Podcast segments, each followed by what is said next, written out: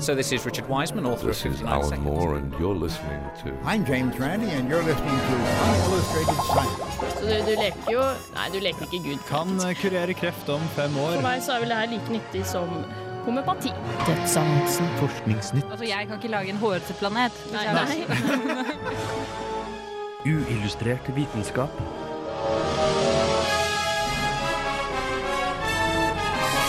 Science, works, bitches.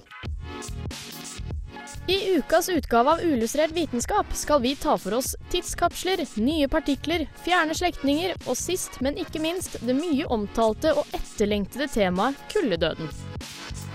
Ja, det var eh, A-laget med klør til det blør. Det er ikke lurt. Eh, nei, eh, ikke lurt. Eh, nå hører du på Uillustrert vitenskap. Eh, jeg heter Jeanette Bø. Med meg i studio så har jeg sønnen Islam. Hei, hei. Ole Eivind er i Oslo, han. Eh, det, er òg en unnskyldning for å ikke være på lufta. Ah, Gjør han noe i Oslo? Nei. Nei.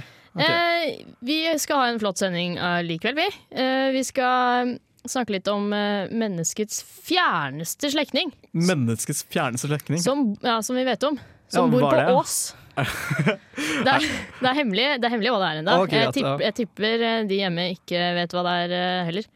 Eh, de har gjort eh, nye oppdagelser på Cern igjen. Eh, det gjør de alltid. Eh, hver uke, det. Kanskje ikke så spennende nå lenger. Jo da, det blir fint der òg. Eh, Sunny skal eh, ta for seg tidskapsler. Er det noe du er spesielt interessert i? Nei. Nei, det er ikke det. Det var morsomt. Ja.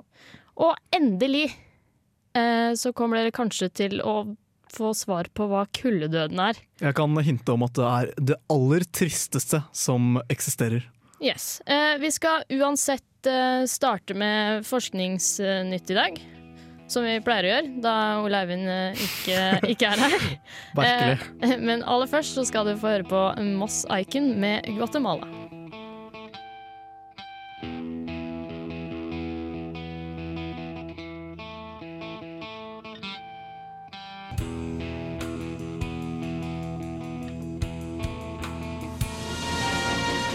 Uillustrert vitenskap presenterer Forskningsnytt.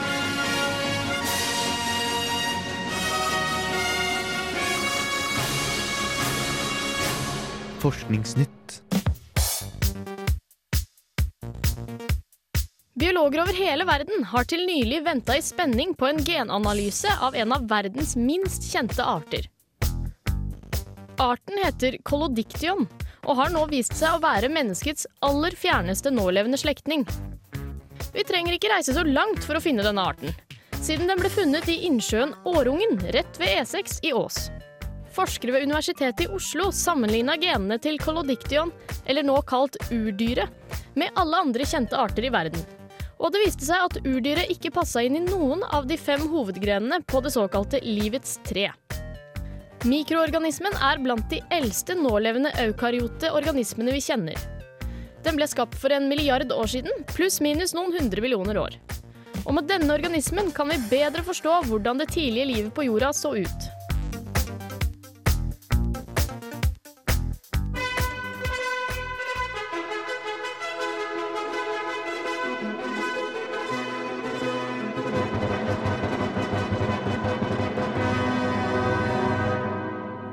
Har vi trodd at det er tidspunktet på døgnet et dyr er aktivt, som er hovedfaktoren til utvikling av størrelsen på øyet.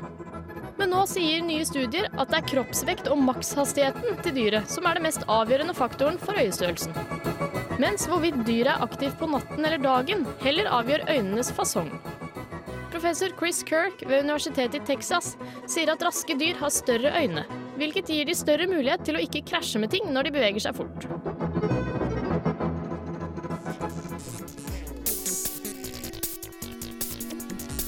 Fysikere ved universitetet i Zürich har nå oppdaga en hittil aldeles ukjent partikkel laga av tre kvarker ved hjelp av LHC ved Cern.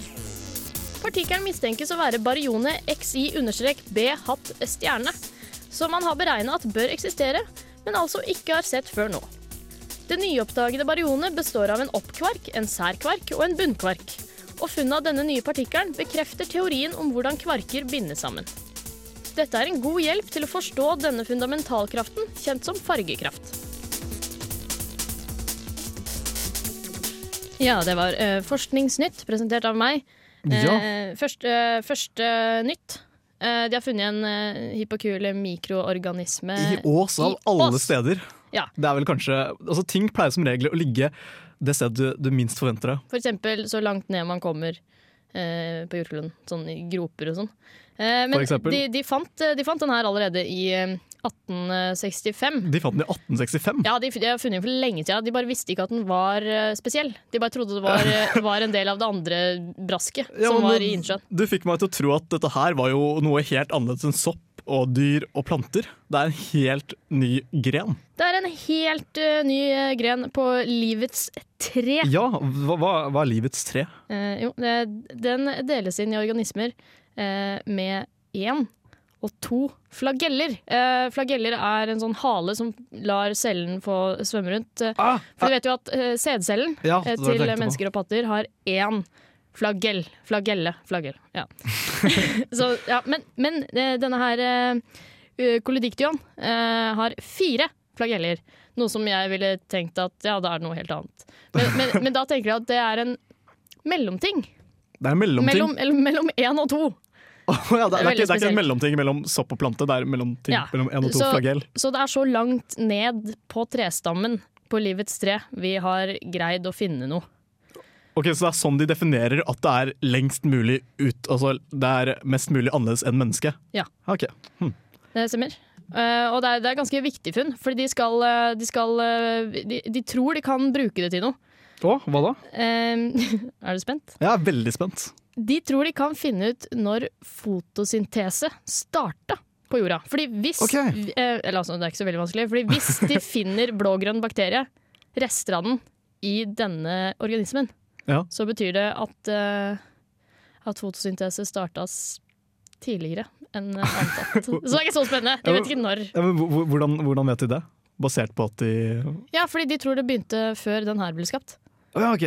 Ja, Skjønner du? Men, Ja. men, ok, eh, det det jeg vet er at du kan bruke alger for eksempel, til diverse ting. Og dette, for eksempel, jeg har hørt at noen vil lage bensin av alger. Kan man bruke denne nye organismen til noe som helst? Eh, nei. Nei. De, jo, eller de, de vet ikke. De driver og samler den eh, i, i store flasker eh, akkurat nå. Så de har store mengder av den. Energidrikk. Ja, eh, og unnskyldningen de bruker for det er at eh, hvis du asfalterer veien nok ganger, så ser du ikke brosteinen. Eh, det, det sto faktisk i artikkelen eh, som kom fra oss. Ok. Kjempebra. Jeg skjønte ikke hva de mente. det. Nå har de i hvert fall veldig mye av den, og de tror de vil finne ut mye lurt. Uh, Vent, nå, nå sitter jeg på denne artikkelen. Uh, her står det at uh, de faktisk kan bruke denne nye arten til å rense drikkevann i Japan. Nei, Jo, det er sant.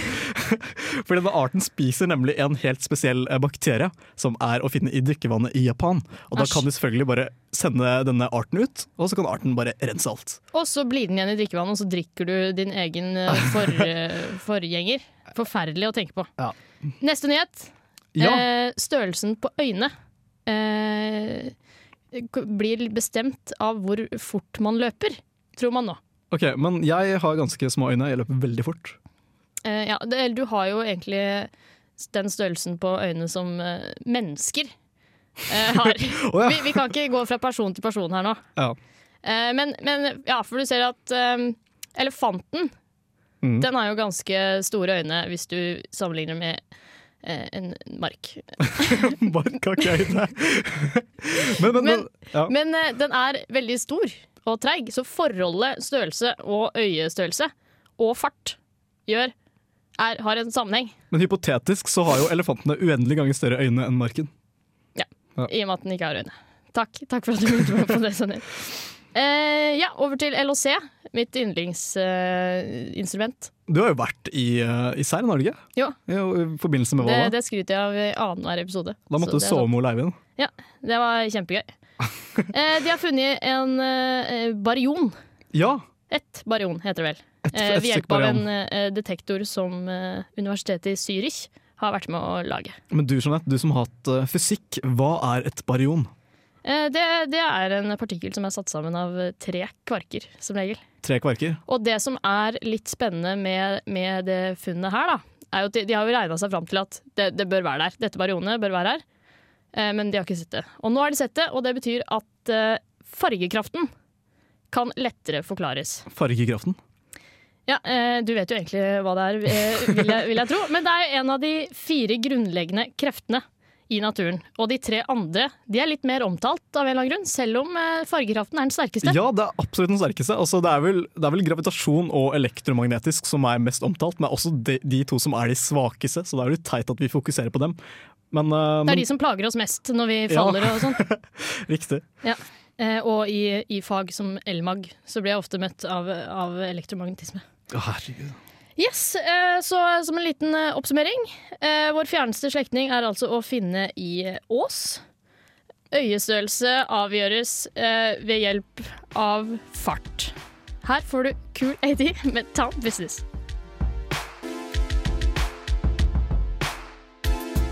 Hey man, check this out though, man.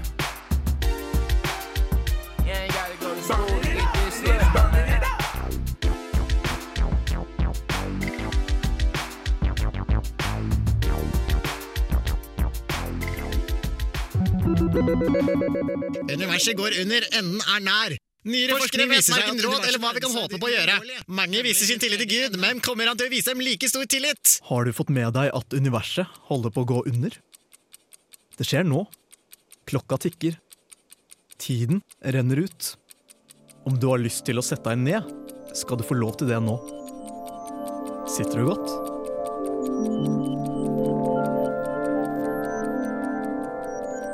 Før vi begynner, må du få en liten innføring i termodynamikkens andre hovedsetning. Varme går alltid fra et varmt sted til et kaldt sted. Dette har du kanskje opplevd når du brenner deg på ovnen. Varme går da fra den varme ovnen til din kalde hånd. Men om hånden din og ovnen hadde vært like varme, vil ikke noe varme utveksles. Er du fortsatt med? Godt. Isbit møter glass med vann. Hva skjer? Jo, isbiten smelter, og vannet vil få en jevn temperatur. Ta så universet. Det er stappet med ting som varme supernovaer og kalde asteroider. I bunn og grunn er det litt som et glass med vann, fylt med mange isbiter. Og i likhet med vannet vil òg universet til slutt oppnå en jevn temperatur. Det er nettopp dette som er problemet. Når energien i universet er blitt jevnt fordelt, vil ikke universet kunne opprettholde verken bevegelse eller liv. Det er dette vi kaller kuldedøden.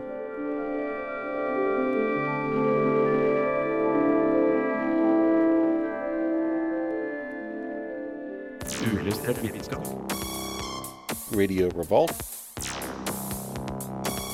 This is Charles L. Bennett from Johns Hopkins University.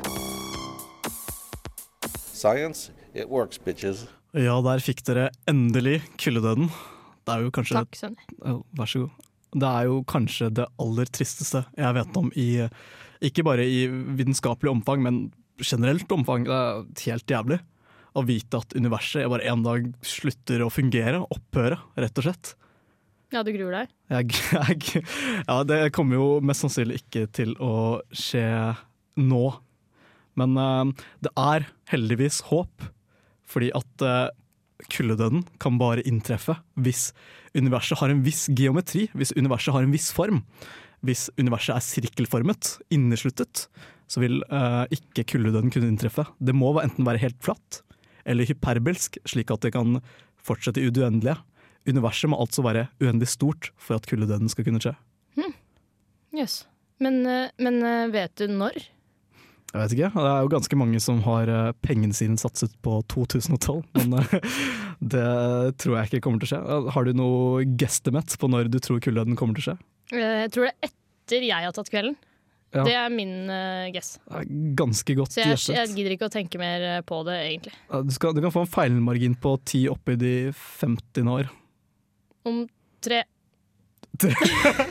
Tre år etter du har dødd, så pluss minus ti i de 50. ja, Kjempebra, Jeanette. Men eh, nei, jeg tror ikke du kommer til å bekymre deg, fordi med dagens modeller uh, Bare husk at våre modeller er noenlunde uh, feil, fordi vi kan ikke måle antall mørk materie i universet vårt. Men med dagens modeller så regner vi med at det kommer til å skje i løpet av ti opphøyd i hundrede år. Det er jo Det er lenge til. Det er lenge til. Det, det går ikke an å fatte engang hvor lenge til det, det her er. Men allikevel så er det jo trist å vite at det her kommer til å skje, og vi egentlig ikke kan gjøre noe som helst for å unngå det. Ja, det er ganske trist. Eh, Det her er, eh, som jeg nevnte forrige uke, faktisk, et av de temaene som får meg til å stå og se litt ut av vinduet. Altså Bare stå stille en time og se på fugler. Du er nesten like flink til å fortelle om det som eh, Brian Cox, jeg må si det. Hvem er Brian Cox? Det er han flinke fysikeren. Vet du hva, jeg, jeg så på Er det Bill Bailey han heter? En komiker som har vært med i Black Books. Og, Ja, ja denne, denne komikeren. Ja. Ja, ja, men jeg så på et standup-show av Bill Bailey, og vet du hvordan han starta standup-showet? Han starta med å fortelle om kuldedøden.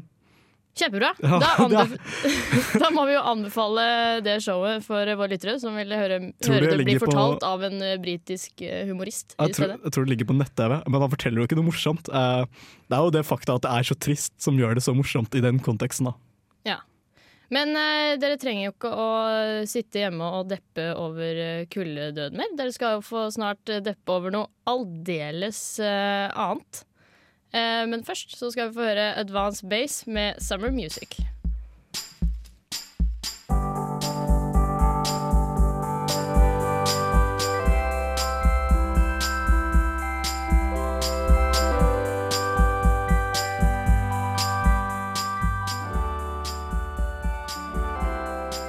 Ja, der eh, tipper jeg dere sitter og depper til sommermusikk eh, i, i stedet. Eh, i, I løpet av min karriere som eh, titter eh, av, på av eh, sånne universprogrammer så Universprogrammer. universprogrammer, så, så har jeg hørt om eh, kuldedøden-paradokset. Ja, Hva, eh, du som er ekspert i kuldedød, ja, det er riktig. hva er det? Vet du hva? Det er noe som eh, bringer lys til mitt hjerte. Fordi Som nevnt tidligere så er jo ikke jeg noe fan av kulledøden Jeg er veldig fan av prinsippet, men jeg er ikke fan av greia sjæl. Men kulledøden paradokset det er litt kult. Fordi kuldedøden, det inntreffer jo bare, som tidligere nevnt, hvis universet er uendelig i størrelse. Men hvis universet er uendelig stort, så må det også ha eksistert i uendelig lang tid. Og hvis universet har eksistert i uendelig lang tid, så bør kuldedøden ha inntreffet for lenge, lenge, lenge siden. Men her er jeg, Oi. og her er du. Nei, nå sprenger hjernen min, Sonny. Noe som betyr at kuldedøden ikke har inntruffet for lenge, lenge, lenge, lenge siden. Men Nei, eh, for det er uendelig lenge til! Jeg skjønner ikke det her. det er jo ikke uendelig lenge til kulden skal inntreffe. Nei, det er jo en Det gitt tid. det er kjempelenge til. Ja, det er kjempelenge til, men hvis universet har eksistert i uendelig lang tid, så må det jo ha skjedd en eller annen gang fram til nå. Det er veldig rart, rart når du prøver å forklare meg ting med den samme rolige stemmen. Ja, ja, ja ja det, det er sikkert riktig, altså. Men en ting jeg har lyst til å nevne, det er at uh, min yndlingsnovelle den handler om kuldedøden. Det var slik jeg ble introdusert til prinsippet. Eh, Hva heter den? Novellen heter The Last Question og er av Isak Asimov, en ganske kjent science fiction-forfatter. De har jo laget en film av en av bøkene hans, iRobot. Ja. Du, du har kanskje hørt om den, Ja, ja. eller sett den? Mm. Ja. Men uh, The Last Question det handler om uh, en PC, faktisk. Det er litt gøy. Som heter Multivac. Den, Det, det, det bør være en støvsuger. det høres ut som en støvsuger. Ja, det var ikke det? Nei, jeg, jeg tror faktisk at multivacen til Isak Asimov kom først. Men det, denne multivacen, eh, vi følger da denne multivacen opp igjennom menneskets historie. Da. Eh, så den begynner som en vanlig PC, og så utvikler den seg til å bli noe mer. Da, til å bli et altoppfattende skapning som er uavhengig av tid og dimensjon. Men opp gjennom tiden da, så blir multivac med mellom, jevne mellomrom spurt eh, hvordan man kan reversere entropi, eller hvordan man kan reversere termodynamikkens andre lov. Ja. Og hver gang så svarer han alltid at det ikke finnes nok data til å regne på det. Så han blir spurt eh, dette da eh, nå, i nåtiden og om 1000 år og om en milliard år. Og til slutt så har jo kuldedøden inntruffet. Ingenting eksisterer, bortsett fra multivac, som bare henger igjen som en eh, dimensjonløs skapning. Men plutselig så finner han da svaret på, på hvordan man kan bryte termodynamikkens andre lov. Og da slutter boka med at multivac sier 'la det bli lys'. Åh, Er ikke det fint? dere skulle bare sett Sunny satt og mima eh, en dimensjonsløs skapning nettopp. Det var nydelig. eh, men men er, jeg, nå ble jeg litt deprimert selv. Er det helt sikkert at det skjer? De aller fleste forskere Er det ikke noen andre hyggeligere teorier om at vi alle blir til blomster? Du har, du har en teori uh, som baserer seg på at universet er sirkelformet. Og da det som vil da skje, er at uh, da vil vi få et Bing Crunch. Oh ja, Hvor vi går tilbake til eh, det, det stadiet som var før um, The Big Bang. Ja. Så det, det er litt muntrere, da, tenker jeg. Ja. ja, for da kan vi kanskje gå ut igjen til et nytt univers. Jeg håper det. Vi håper på det.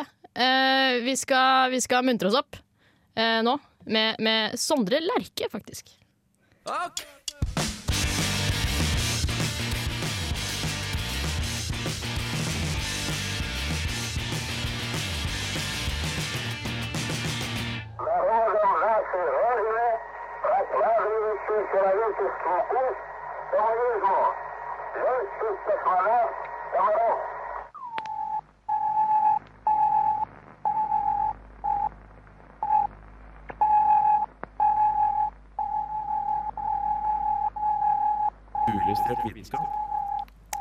Ja, det Unnskyld. Det er min morbide og imbesille kollega der prøvde å lage en såkalt kløtsj av. Hva var det Eh, du hørte der, Jeanette? Det var, det var rett og slett eh, en helt Slutt å le sånn. Det var rett og slett en helt av en kosmonaut ved navn Vladimir Komarov. Jeg tror jeg har hørt om han før. Um, Ja, men altså, eh, vi må Det her er noe som eh, en dårlig venn av meg, Sønn Islam, tipsa meg om eh, tidligere i dag. Og det er Det var rett og slett litt trist. Var det For eh, eh, det, dette her er da en uh, venn av, og kollega av eh, Juri Gagarin. Ok, Eh, den, eh, han tror jeg de fleste av har hørt om, siden han var eh, verdens første person i verdensrommet. ja, altså Ikke på månen, men verdensrommet. Altså. Ja, da, da er det over lavbane rundt jorda. Lavbane. Ja, Low Earth Orbit heter det. Ja. Ja. Det han, uansett, han var jo kollega av uh, Juri Gagarin, uh, og de, uh, de samarbeida Eller de, de jobba begge på et sånt prosjekt som het Soyuz 1.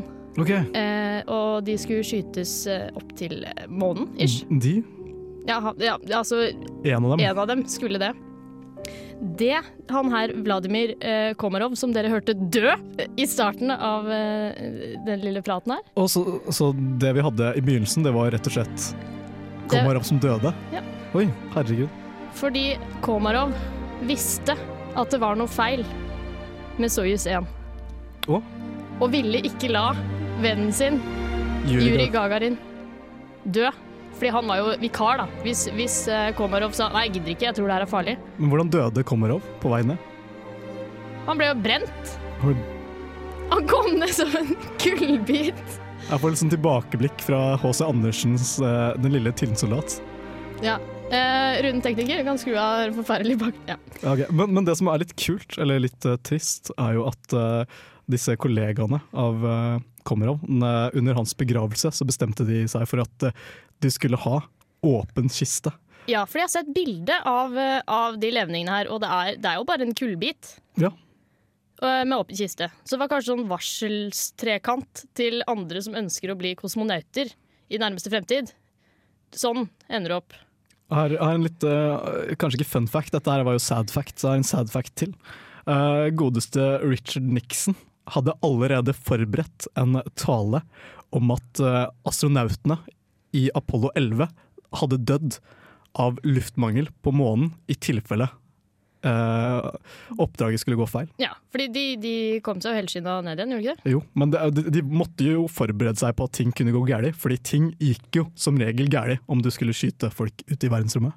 Heldigvis så er ting litt tryggere i dag, men det er jo fortsatt ulykker. Ja, men, men er det en så, har, man noen sånn statistikk på hvor, hvor mye som går galt og ikke? For det høres ut som det var en veldig mye større risikosport før. Det tror jeg òg. Men eh, nei, jeg, jeg lette etter det, men jeg, jeg fant ingenting. Der var det litt, eh, litt eh, info om hadde, en fyr som jeg ikke hadde hørt om engang. En, en helt.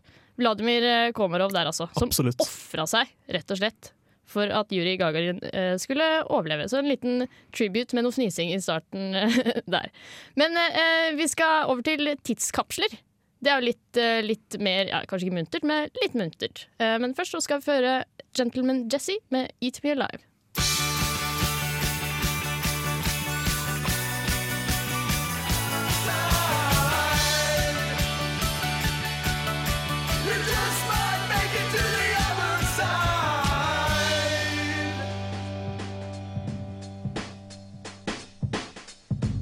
I 1868 ble helium oppdaget på sola ved hjelp av spektroskopi av den franske astronomen Jules Jansen. I Amarillo i Texas feiret de 100-årsjubileet for hendelsen på en noe spesiell måte. De reiste et monument bestående av fire stålsøyler, og fylte så stålsøylene til randen med diverse ting fra samtida, for å så forsegle innholdet. Men hvorfor gjorde de dette? Radio Revolt. Ja, hvorfor det? Nei, du har jo ikke vært så hemmelig uh, denne sendingen. Vi, de visste jo at vi skulle snakke om tidskapsler, men hva er en tidskapsel? Ja, hva var det de, hva var det de lagde, forresten, i Texas? Nei, det de lagde var um, nesten, en nesten en skulptur da, bestående av fire søyler. Um, og disse søylene var da fylt med ting som bøker og uh, plater osv. Uh, og dette her er en, egentlig litt som flaskepost. Det kalles en tidskapsel. Ja. Og disse tidskapslene er da uavhengig av tid. Tingene i tidskapslene de skal være der fram til en gitt tid. Men de skal være på samme sted, de skal ikke skytes ut til Mars eller noe sånt? Nei, eller noen gjør det. Men du har for eksempel eh, en tidskapsel eh, som blir kalt sivilisasjonens gravkammer. Oi. Den ble laget i 1938. Og den skal ikke åpnes før år 8113. Så det er ganske Hvordan skal de forhindre folk i å ikke trykke på den store knappen? Eller står det på? Jeg tror at eh, de er noenlunde godt beskyttet, og så er det ikke så spennende å åpne en tidskapsel nå. Det er jo mye mer spennende å vente. Det blir jo som en gave. Jo lenger du venter, jo mer spennende er det. Eh, men en ting da, altså Disse tidskapslene de skal jo være til hjelp for arkeologer i framtiden. Men jeg føler jo at disse tidskapslene kommer til å gjøre arkeologer arbeidsløse. Fordi da har du ikke noe å gjøre, for da vet du jo hva som skjedde før i tiden. Ja, men Hva er det de putter oppi der?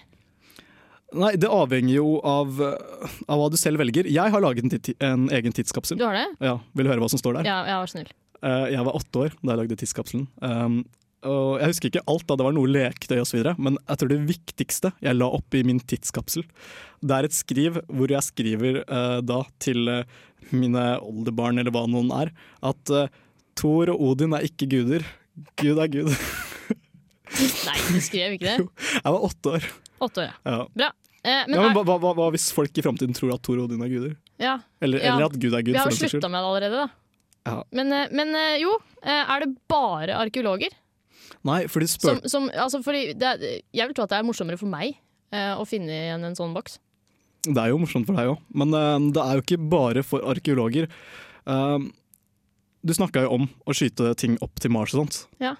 Og det har vi mennesker gjort. Vi har skutt opp fire tidskapsler ut i verdensrommet. Ja, var det jeg mente. Hva var det de? Hva var det de? Hva, hva, hva er det i de? Er det, er det noe sånn eh, kart til jorda eller noe sånt? Ja, eh, disse fire da, de ble sendt opp med, to stykker ble sendt opp med pionersondene, og to stykker ble sendt opp med Voyager-sondene. Og på disse, på begge disse to, så er det piktogrammer som både beskriver menneskets anatomi, vårt DNA, eh, hvor jorda ligger i solsystemet, og hvor solsystemet ligger i forhold til Melkeveien. Ja. Så hvis en utenomjordisk sivilisasjon finner denne, så kan de finne oss. Dette er kanskje ikke så lurt hvis de utenomjordiske sivilisasjonene er fiendtlige, men vi får håpe på det beste. Og uansett så er jo sannsynligheten for at folk finner det her i det hele tatt veldig, veldig, veldig lav. Ja. Fordi at eh, disse satellittene kommer til å slutte å sende ut stråling etter en viss tid. ja. Men eh, det hadde vært morsomt, da. Det hadde Det hadde vært, vært morsomt, Og det kom en skikkelig ålreit eh, utenomjordisk fyr og ga oss blomster og sa takk for, takk for invitasjonen. Det er det, det er det jeg ser for meg. Ja. Uansett, eh, nå har vi lært at uh, Thor og Odin er ikke guder. Nei, det er det absolutt Eh, ikke. hilsen uh, sønnen i åtte år. Her får du Aline Frasau uh, og noe på spansk. Non quero te un dia, non quero teu talvez, não quero mãos vazias, não quero Uillustrert vitenskaps fun fact-skole. Vær midtpunktet på neste vorspiel.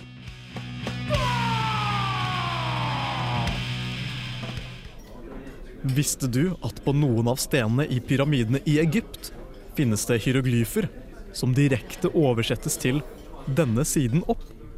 Nei, det gjorde jeg ikke, Sunni. Du vet det nå. Veldig morsomt. Men jeg har, jeg har mer fun facts. For vi snakka jo om eh, eh, oppdagelsen av helium. Ja. Vet du hvorfor helium heter helium? Eh, sol. det er riktig. Ja. Fordi at de, de oppdaget jo helium for første gang eh, på sola, før de oppdaget det i gassform her på jorda. Og den greske solguden heter Helios. Riktig. Så det var en fun fact. Ja, som jeg kunne. Bra, jeg er veldig fornøyd med meg selv.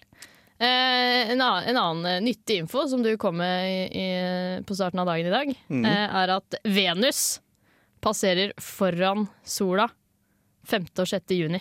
Det er greit å få med seg. Gleder du deg veldig til det? Vet du hva, Jeg gleder meg utrolig mye. Jeg er en sånn person som gjerne møter opp om både måne- og solformørkelser, men generelt så er forholdene her i Norge kjempedårlige. Det er alltid overskyet, og det er altfor mange folk. Men når du sier at du møter opp på solformørkelser, hvor er det du bare møter opp? Du går ut? Jeg går utendørs. Ja, du møter opp, og så har du på deg sånne, en sånn kasse på hodet med små hull. Ja, det er sånn aluminiumsbriller. Eller lignende. Har du sånn spesiallagde for solformerkelser? solformørkelser? Ja, jeg har en som har tilpasset hodeformen, faktisk. Har du det? Ja. Nei. Gratulerer. Møter du opp på solformørkelser? Uh, ja, jeg pleier å gå ut på verandaen, uh, og, så, og så prøver jeg å stirre rett på sola i et nanosekund. Uh, og så kjenner jeg nå ble jeg blind. Og så finner jeg sånne solbriller man har Det, det er et tips. Sånne solbriller man har i solarium. Da, går du i solarium? Nei, men, jeg, men eh, min bestemor gjør det. Så jeg tok henne sånne solariumbriller som er, som er helt sånn svarte, som du ikke kan se med hvis du går rundt inne med de. Mhm. Og så da kan du gå og se på solformørkelser. Ok. Men eh, eh, det her må dere egentlig få med dere, fordi den, Venus kommer ikke til å gjøre det her igjen før eh, 2117. Typisk Venus. Det rekker dere ikke å få med dere før dere dør. Vi går tom for tid nå, fordi der starta White. Men eh, eh, etter oss så vil dere mest sannsynlig få høre live. Eh, jeg ser det ikke, så mest sannsynlig så ligger de og sover eh, fremdeles. Men de kommer kanskje joggende inn i siste liten. Kommer de til å ha sending neste uke? Nei, vi har jo eksamen snart, vi da. Vi er jo som eh, Men Ole Eivind gløsere flest. Men Ole Eivind gir seg jo ikke, for han går på Dragvoll. han går på Dragvoll. Så han kommer, til å, kommer dere til å høre masse av, sikkert. Vil, vil jeg tro. Men det er i hvert fall eh, slutt for meg og Sunny. Men vi kommer tilbake etter ja. sommeren, eller? Ja. Ja, det gjør vi. Selvfølgelig gjør vi det. Eh, tekniker i dag har vært eh, Rune Stana. Eh, det pleier det også å være. Så nå takker vi for oss. Ha det! Takk, takk for i år.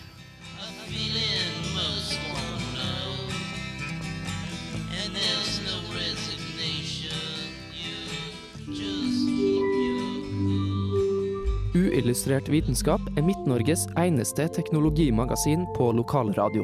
Og vi snakker om alt fra populærvitenskap til sære forskningsprosjekt ved NTNU. Radio Revolt, studentradioen i Trondheim, er stolt av å kunne presentere podkaster fra de aller mest populære programmene våre. Hvis du har lyst til å høre mer fra Radio Revolt, hvem vi er og hva slags musikk vi spiller, så kan du høre oss på FM-båndet i Trondheimsregionen, eller streame sendingene våre live på radiorevolt.no.